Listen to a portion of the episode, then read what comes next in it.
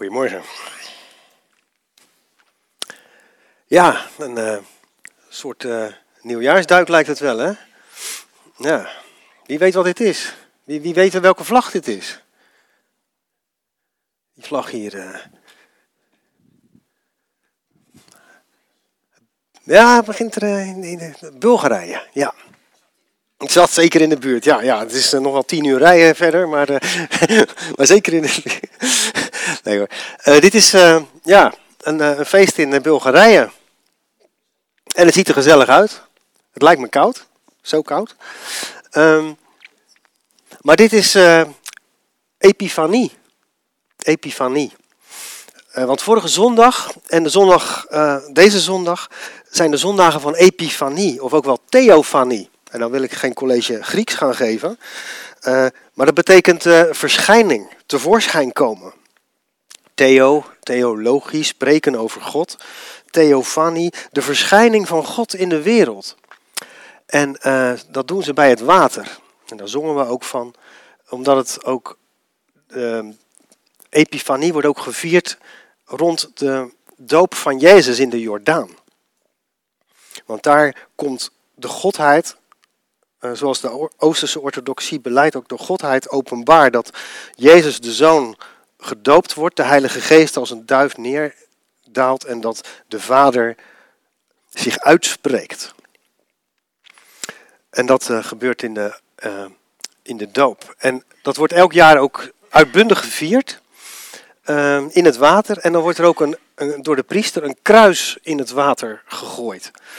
En uh, degene die hem uh, opduikt of opvangt, uh, die, die heeft dan ja, een jaar geluk, zeg maar. Ja, je, je, merkt ook al in, in heel veel traditie zit ook heel veel er, erbij gefietst, zeg maar, in de loop der eeuwen. maar epifanie, dat wilde ik ook nog wel zeggen, is wel een van de aller, alleroudste christelijke tradities. Dat gaat nog voor kerst, nog voordat we Pasen vieren. epifanie, de verschijning van God in de wereld. Is ook iets ongehoords, hè?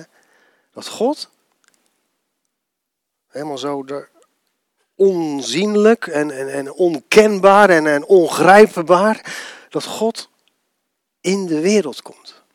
Met kerst als kind en daarna als mens. En hij stapt er ook echt in. Hij stapt er ook in in dat water. Ja. Um, en in dat water, in de doop van Jezus, kan je een hoop, kan een hoop vertellen. En dat vertelt ook een, een heleboel hoop. En daar hoop ik vandaag de vinger bij te leggen en dat u dat ook meemaakt. Uh, die Oosterse orthodoxie, ja, ik heb persoonlijk ik heb er wel wat mee. Ik vind het prachtig. Ook omdat het zo heel oud is, dan denk je van ja, je, je raakt aan, aan, aan wat al eeuwen blijkt te werken. Het volgende plaatje. Kijk, in die Oosterse orthodoxie hebben ze ook allemaal plaatjes en beelden, uh, zo langs de muren. Ze zijn helemaal volgeschilderd. En uh, dit is dan een fresco, een muurschildering van de doop van Jezus. En vaak met die plaatjes, dan, het ziet er eigenlijk niet uit, hè? Je zegt van, nou, ik weet niet welke schilder dat gedaan heeft, maar van perspectief en zo hebben ze nog niet zoveel geleerd. Maar daar gaat het niet om. Het gaat om de, de, de ingrediënten, zeg maar. Van wat, wat komt er op je af? Uh, we zien hier een, een, een, oever aan de linkerkant, de aarde. Met daarop Johannes. En uh, Johannes en Andreas, dat in het verhaal wat we gaan lezen straks, zit dat, zijn ze er ook bij. en Johannes, die doopt Jezus in het water. En aan de rechterkant het hemelse, met engelen die aanbidden. Die doen verder niet zoveel, zeg maar. Die hebben niet echt een, in het verhaal ook niet. Maar engelen zijn er altijd bij uh, on, on, ja, ongrijpbaar, onzienbaar, uh, maar in aanbidding. Daar ga ik zo nog iets over zeggen. En dan natuurlijk Jezus in het midden. De centrale figuur. Jezus in het midden. En die wordt gedoopt door Johannes. En hij is in het water. En dat water, moet u weten, daar was nogal wat mee. De zee. Och, zoals met Jona. De, de zee wordt, dat, dat, dat is een duistere plek, een, plek vol met, met onheil. En ook met, uh, ja, dat je, onheilspellend ook. Dat je het ook, als je daarin valt, en wat daaronder zit, bodemloos. En, en wat daarin zit, dat, dat weten we ook niet. En dat, dat trekt je omlaag. Het onvoorstelbare en het onvoorspelbare. Dus daar waar, het, waar je echt niet weet waar je aan toe bent, dat is het water. Bij mensen zijn een vis, die hoort in het water, maar mijn mensen horen op het land. En als je in het water valt, ja, dan ben je verloren. Hoeveel mensen kunnen er niet zwemmen? In Nederland kunnen we allemaal zwemmen, allemaal A-diploma en zo, maar in andere landen is dat heel anders. In zeker in het Midden-Oosten zijn maar weinig mensen die echt goed kunnen zwemmen. Dus het water, dat is een, een plek waar je vooruit moet kijken. En Jezus gaat in het water. En dit ziet er een beetje, een beetje vreemd uit, maar dit zijn ja, watermonsters, de leviathan en zo. En, en mensen, kwaadwillenden, die je mee willen tronen en in die diepte willen laten verzinken. Verstikkend. En Jezus er middenin. En van boven God die de hemel openmaakt. En zijn, zijn geest laat neerdalen. Als kracht. Als hoop. En God spreekt zijn, zijn zegen uit. Dit is mijn zoon, mijn geliefde, in wie ik mijn welbehagen heb. En die engelen aanbidden dat. Ze, de ene die aanbidt God de Vader. En de ander die kijkt, ik kan het niet zo goed zien, maar die kijkt naar de zoon. En die andere, kijk, die kijkt naar, naar beneden. Die is niet somber of zo. Maar die ziet hoe, hoe die kwade machten weggaan. Hoe die overwonnen zijn. Hoe, hoe Jezus daar staat, krachtig. Niet als een soort slappeling die ten onder gaat en verdrinkt. Nee, hij neemt erin deel. Hij stapt erin, part en deel. Maar hij verbreekt de banden van de boze. Dat is zo'n fresco. Dus je moet het een beetje leren lezen. Maar dan zit, zit daar heel veel, veel in opgesloten. En laten we nu het verhaal ook maar eens lezen wat daar in de Bijbel bij staat. En ik pak de versie uit Matthäus. Matthäus 3. Uh, Matthäus 3 uh, doen we nu uh, eerst. Ja. Oh, die heb ik niet meegenomen. Nee, dat klopt. Maar dat geeft niet, anders lees ik hem voor. Ik bedoel, we kunnen allemaal luisteren, toch? Doen we het zo. Ja. Het optreden van Johannes de Doper. In die tijd trad Johannes de Doper op in de woestijn van Judea. En hij verkondigde, bekeer u, kom tot inkeer, want het koninkrijk van de hemel is nabij. En dit was de man die, over wie de profeet Jezaja sprak toen hij zei, een stem roept in de woestijn. Maak de weg van de Heer gereed, maakt recht zijn paden. En Johannes droeg een ruwe mantel van kameelhaar en een leren gordel. En hij voedde zich met sprinkhanen en wilde honing. Uit Jeruzalem, uit heel Judea en uit de omgeving van de Jordaan stroomden de mensen toe. En ze lieten zich door hem dopen in de rivier de Jordaan, waarbij ze hun zonden beleden. En toen hij zag dat veel fariseeën en sadduceeën, schriftgeleerden, op zijn doop afkwamen, de religieuze elite zeg maar, op zijn doop afkwamen, en toen zei hij tegen hen, addergebroed, wie heeft jullie wijsgemaakt dat jullie het komende oordeel kunnen ontlopen? Breng lieve vruchten voort die tonen dat jullie tot inkeer, tot bekering gekomen zijn. En denk niet bij jezelf, wij hebben toch eh, Abraham als vader. Want ik zeg jullie dat God zelfs uit deze stenen kinderen van Abraham kan verwekken. De bijl ligt al aan de wortel van de boom. Elke boom die geen goede vrucht voortbrengt, die wordt omgehakt en in het vuur geworpen. Ik doop jullie met water als teken van jullie inkeer, maar die na mij komt, is sterker dan ik, machtiger. Ik ben het niet, zelfs niet waard om zijn sandalen voor hem te dragen. Hij zal jullie dopen met de Heilige Geest en met vuur. En hij houdt de wan in zijn hand, een grote schaal. En hij zal de dorsvloer reinigen en zijn graan in de schuur bijeenbrengen. Maar het kaf zal hij verbranden met onuitblusbaar vuur.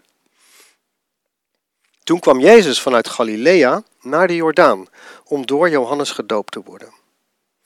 Johannes probeerde hem tegen te houden met de woorden: Ik zou door u gedoopt moeten worden en dan komt u naar mij?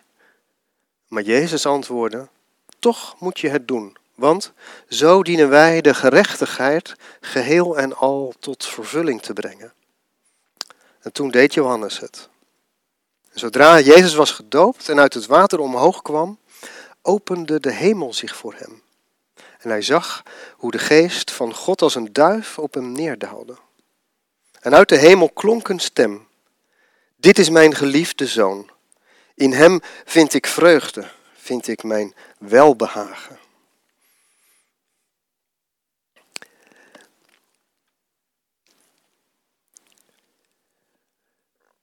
Ja, zo is dit dan de uitbeelding van, van, van dat verhaal. En dan zie je hier ook al de bijl en de boom die aan de wortel ligt. Hier de aarde, daar de hemel en Jezus ertussenin. En bemiddelt ook tussen de hemel en de aarde. En komt naar de aarde om de overwinning te geven op het kwade. Te doorkruisen, te doorbreken, te confronteren.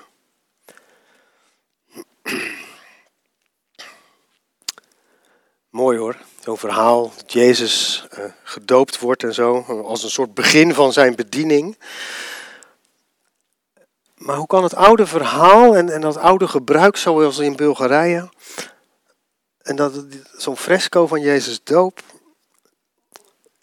hoe kan het nou van betekenis zijn? En, en, en, en, en ja, mijn, mijn bestaan van vandaag raken.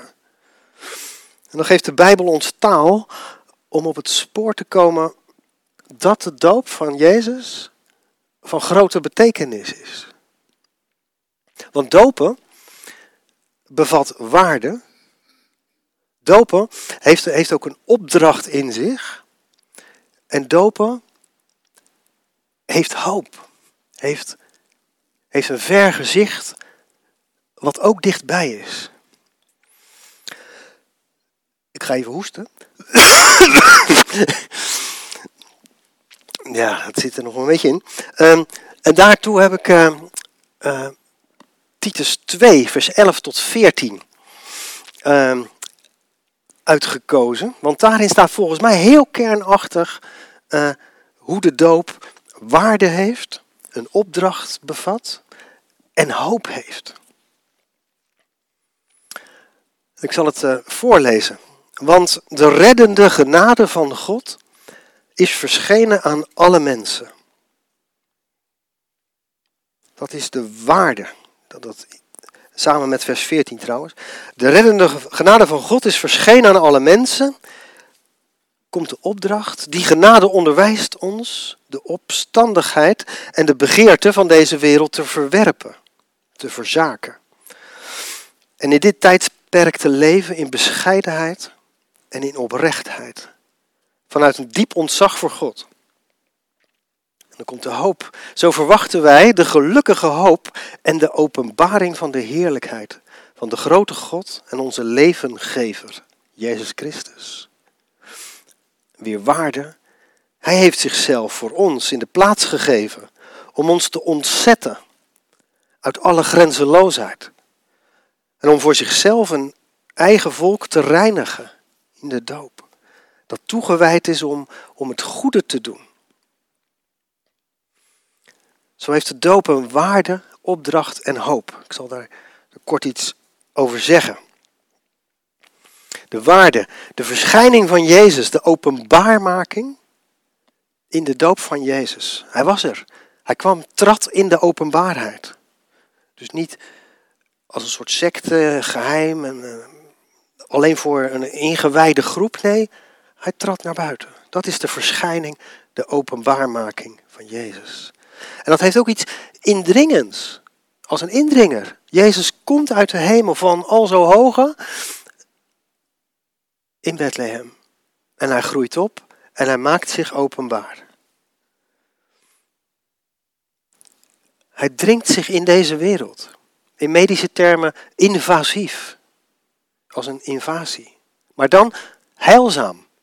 Overrompelend, ja, maar heilzaam. De reddende genade van God is verschenen aan alle mensen. Hoe? Op een manier die zoekende mensen zullen herkennen. En op een manier die verborgen blijft voor mensen die, die zichzelf wel kunnen redden. Ook Johannes heeft hem niet helemaal te pakken, zeg maar. Want als Jezus verschijnt aan Johannes om gedoopt te worden, dan zegt hij, ja, maar ik moet toch door u gedoopt worden, want u bent rein en u bent machtig en u, u bent God. Nee, Johannes, ik moet helemaal de mensengang maken.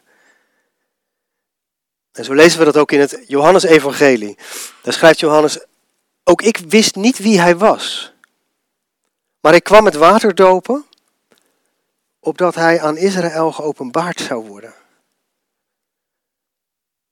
En Johannes spreekte, gaf onderwijs. Hij hield een betoog, opende mensen de ogen. Opende mensen de ogen en niet altijd met een, met een aai over de bol, met een prettig praatje. Nee, het was als een dialoog, als een dans, maar ook als een duel, als een geding. Johannes trekt het gordijntje weg van de mensen. Het koninkrijk van God is nabijgekomen. Dat is een ruimte, een, een koninkrijk met andere uitgangspunten, met andere regels. Het zijn er eigenlijk maar een paar. Dat is God liefhebben boven alles en de naaste als jezelf. Liefhebben, dat is het thema van het koninkrijk. En dat komt de wereld in. Zoals we net zagen op dat plaatje. God die in de wereld komt. Liefhebben, de God, je naaste en jezelf. En dat zegt hij tot mensen die daar in Israël leven, die verloren erbij liggen, die gebonden zijn aan allerlei krachten en machten. Of mensen die zomaar een eind raak leven, ja, wat moet je? Tegen mensen waarvan het bestaan zeg maar niet bloeit, dof is, grauw. Kijk naar buiten, Blue Monday. Een bestaan wat onvoorspelbaar is. En, en een bestaan wat soms onvoorstelbaar is. Hoeveel levens kom je niet tegen bij de supermarkt of als je in de metro zit? Dat de vonk eruit is. En in de samenleving van Johannes de Doper was dat niet zoveel anders. De Romeinen waren de baas. Weinig aanwijzingen dat het nog eens een fijne samenleving zou worden. Zoals bij koning David of bij koning Salomo. Met rust en met welvaart en met goedheid. Het was al 400 jaar geen profeet meer. 400 jaar geen profeet meer. Sinds, in onze taal, sinds 1600, religieus gezien, niks meer gebeurd. Kerkelijk, in de gemeente. 400 jaar. Ja. En iedereen leeft voor zichzelf. dikke ik, iedereen. En de overheid zuigt je leeg met die tollenaren. En op straat willekeurig en grof geweld door soldaten die zichzelf onschendbaar wanen. Zonde. Dat is zo zonde. Zonde is niet meer zo'n prettig woord, ook niet in de kerk of in de gemeente. Als we het over zonde hebben, dan is het, ja, joh, dan wordt je pleziertje bedorven. Dit is zonde, zo denken we dan. En dat is zonde, en dat doe je verkeerd, en dat doe je fout. Het vingertje van de kerk. Maar zie het eens zo. Zonde van die mooie relatie. Is toch zo zonde van dat landschap. Zonde van dat gemeenschapsgeld. Zonde is, is dat het niet uit de verf komt, niet tot bloei kan komen, zijn doel mist. En dat vraagt om, om verandering, een keer ten goede, om vernieuwing. En dat noemen we in de Bijbel bekering, metanoia. Een verandering, een vernieuwing. Uit een ander vaatje tappen. Nou, ga daar maar aan staan. is toch niet te doen? Net als goede voornemens. Nu ga ik het anders doen. Ja, en dan is het 10 januari of zo. Dan is de realiteit een stuk lastiger. Wat is realiteit? Harde werkelijkheid. Wat is nou eigenlijk echt, echt? Ja, materie. Dat is echt. Wat je beet kan pakken. Dat is echt.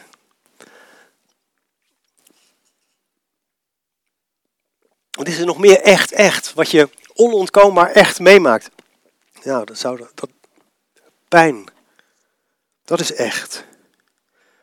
Als ik op mijn vingers sla, dan kan ik dat niet negeren.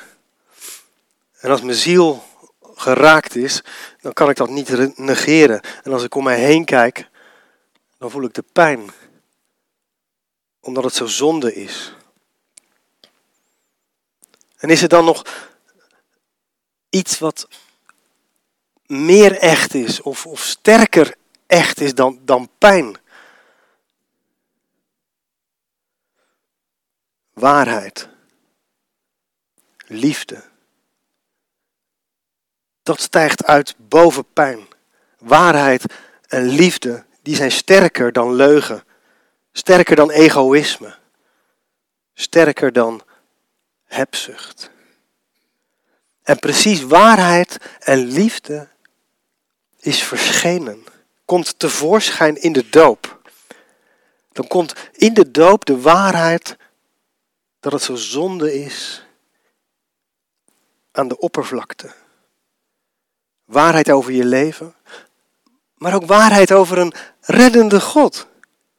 Dat de genade van God bij jou wil komen en voor alle mensen.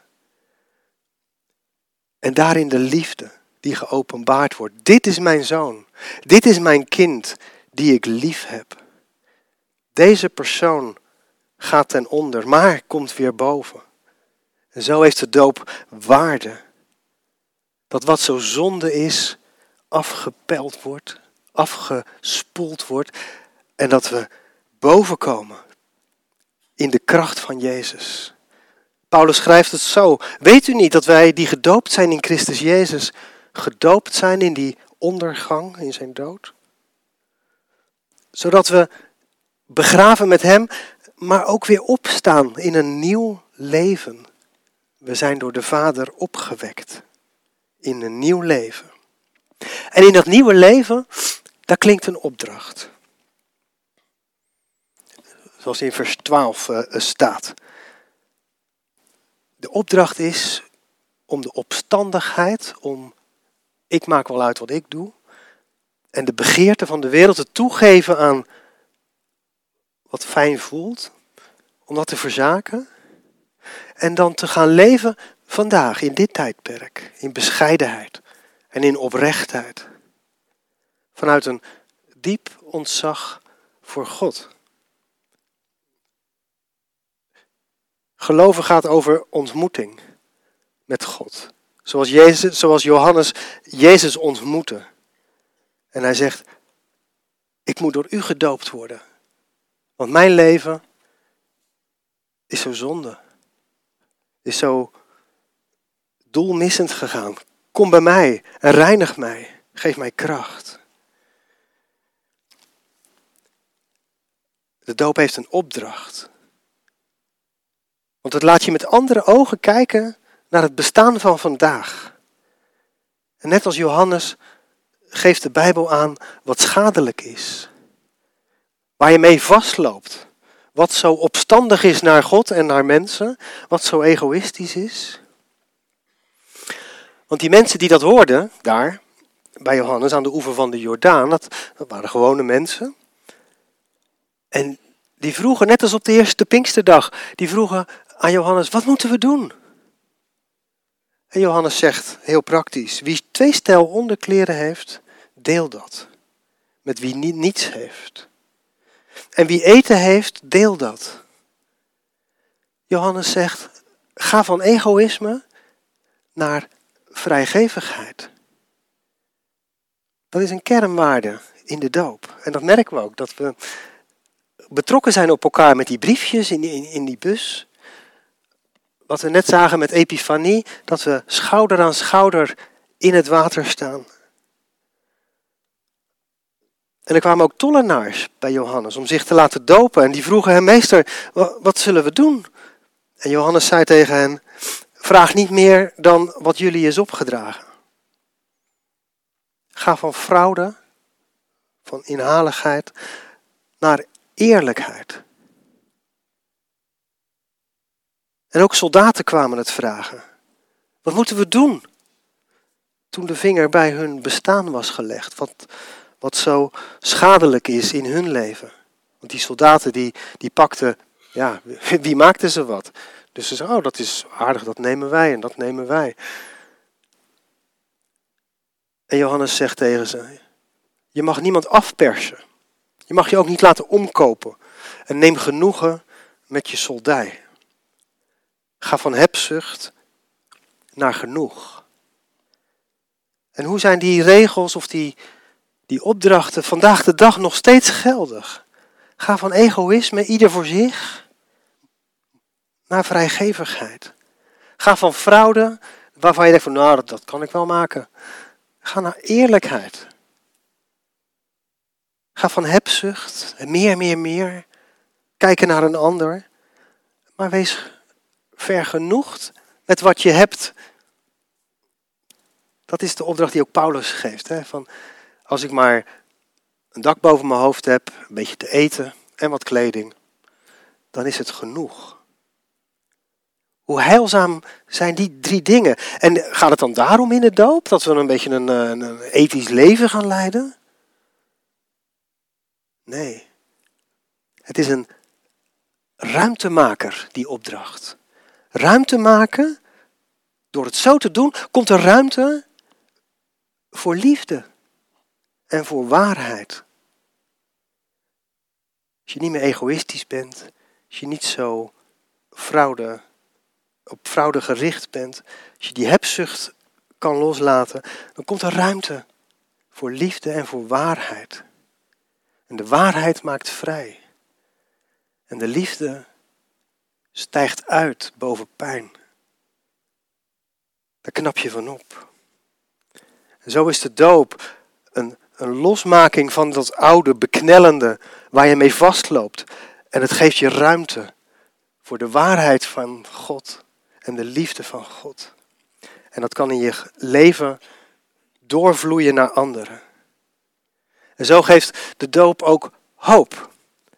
Want in vers 13 van Titus 2 staat: Zo verwachten wij de gelukkige hoop en de openbaring van de heerlijkheid van die grote God, onze levengever, Jezus Christus.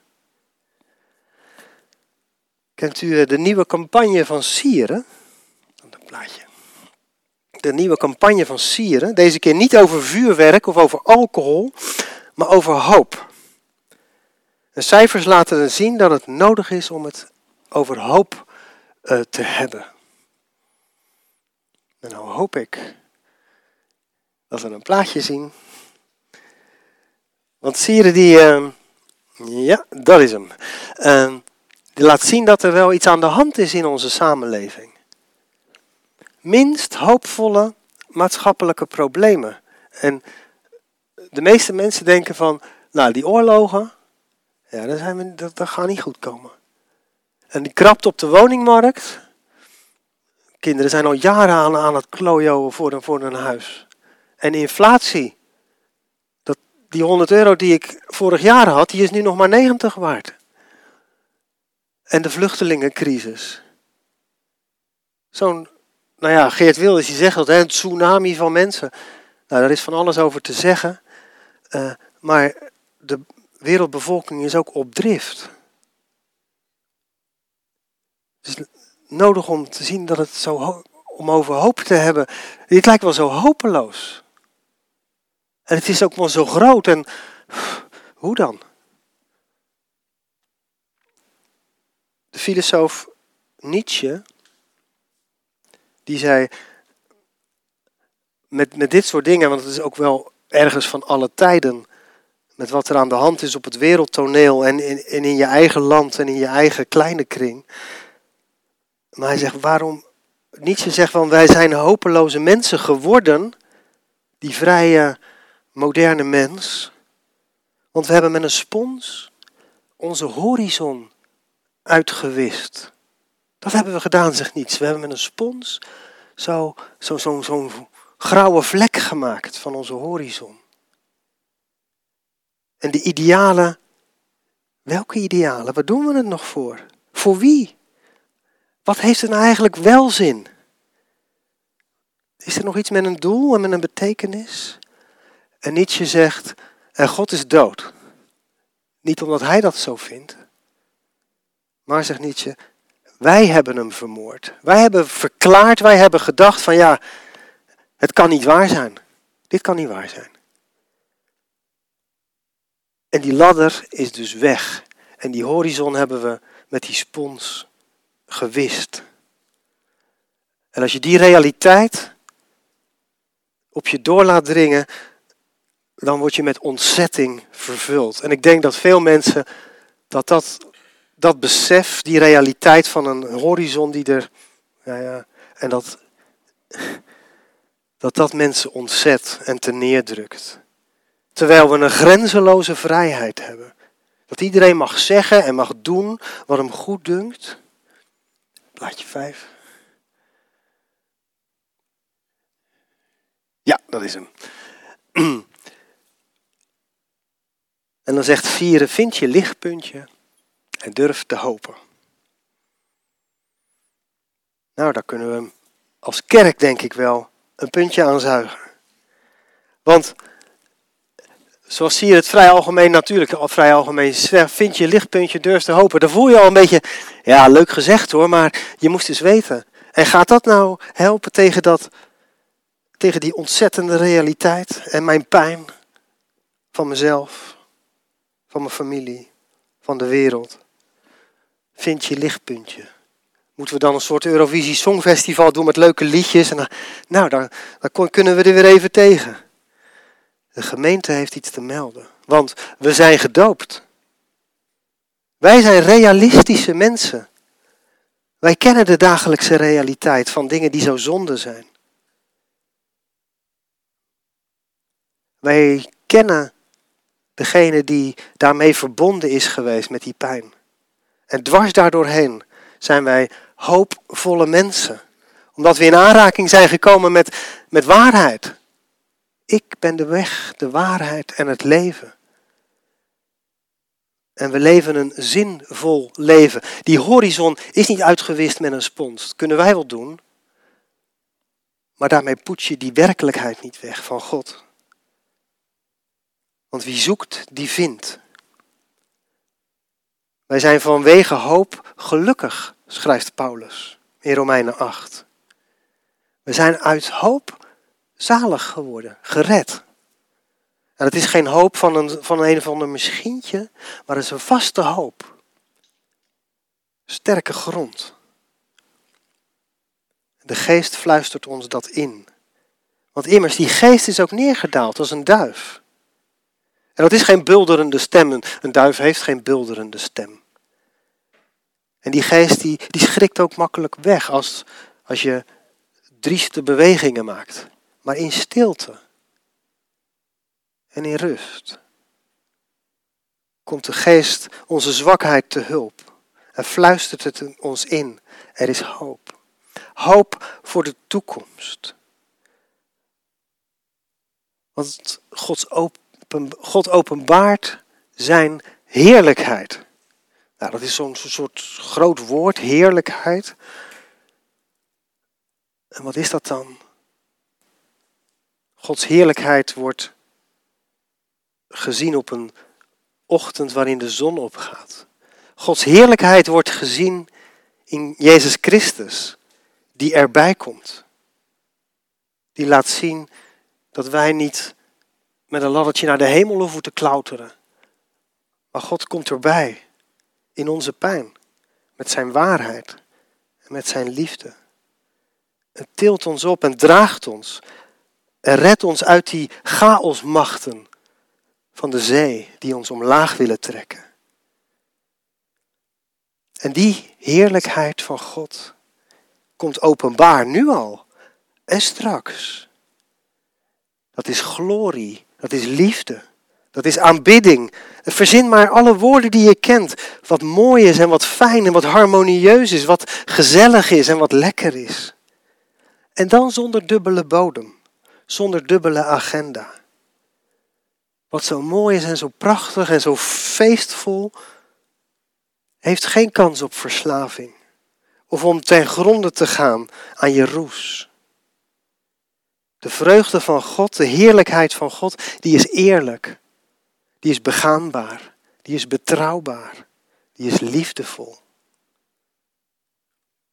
En dat zeg ik al, dat, dat kan een christen vandaag al ervaren, de vrede van God, de shalom van zijn rust. En zal straks in volmaaktheid er zijn.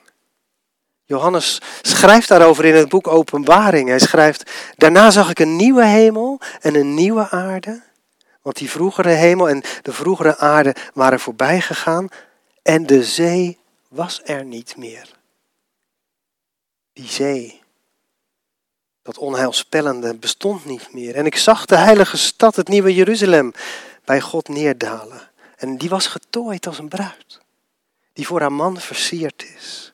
En ik hoorde een luide stem uit de hemel zeggen: Zie, de woning van God is bij de mensen. En hij zal bij hen wonen. En ze zullen zijn volk zijn. En God zal bij hen zijn. En hij zal alle tranen van hun ogen afwissen. En door hem zal er geen dood meer zijn en geen verdriet of geklaag of ziekte. En hij die op de troon zat, zei tegen mij: Zie, ik maak alle dingen nieuw. En hij zei tegen mij: Schrijf, want deze woorden zijn betrouwbaar. Deze woorden zijn waar. Het is al bezig. En het komt eraan. Het koninkrijk van God met die andere regels, met, die, met het gebod van de liefde, dat is dichtbij gekomen. En dat woord, dat is mens geworden, is erin ten onder gegaan, in die wereld, verloren in schuld, maar is eruit tevoorschijn gekomen. En het heeft onder ons gewoond, vol van genade, vol van liefde, vol van waarheid. En zo kunnen wij met een horizon vandaag al kinderen van God zijn als gedoopte mensen. Amen.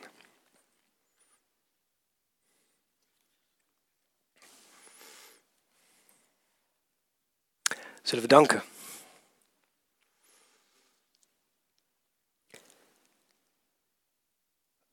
God in de hemel. Een God op de aarde. U die zo dichtbij bent. U woont in mensen. Dank u wel dat u ons nabij komt. Want zo is uw naam. Ik ben erbij. Ik zal er zijn. En ik was er. En ik ben er. En ik zal er zijn. Ik ben het begin en ik ben het einde. En zo bent u geen anonieme kracht of anonieme God, ergens ver daarboven, maar u bent erin gestapt. Met uw voeten in de modder, in het water, in die onvoorstelbare en onvoorspelbare chaos. Daar bent u ingestapt. En u hebt daar huis gehouden. U hebt daar huis gemaakt. U hebt onder ons gewoond.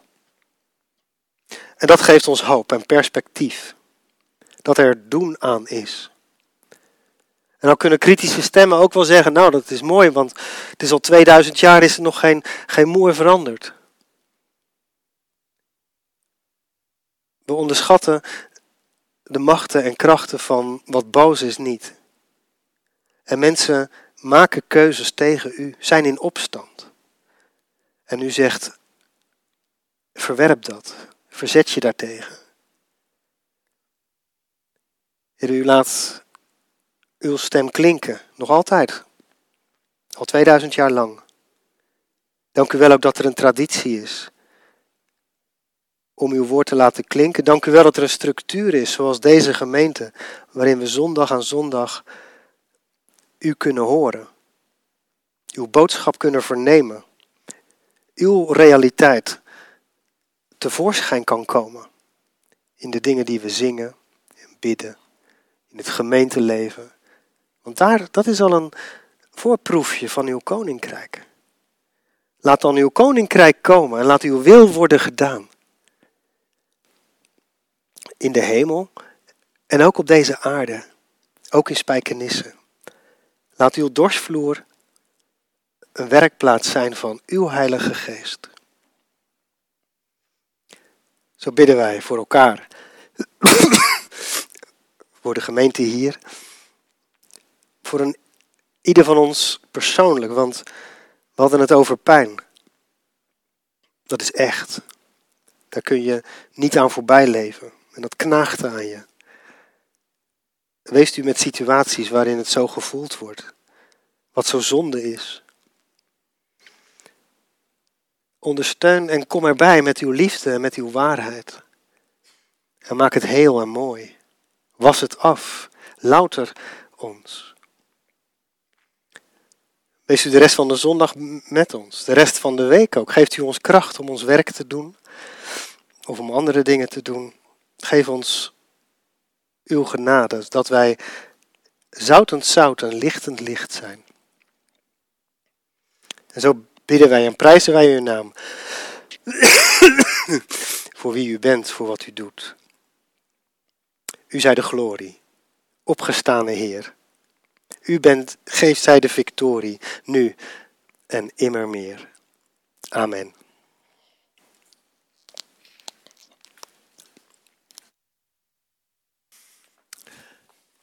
En in die kracht mogen we ook doorgaan en voortgaan. En dan gaan we van hier, worden we heen gezonden. Niet, niet weggestuurd, maar heen gezonden.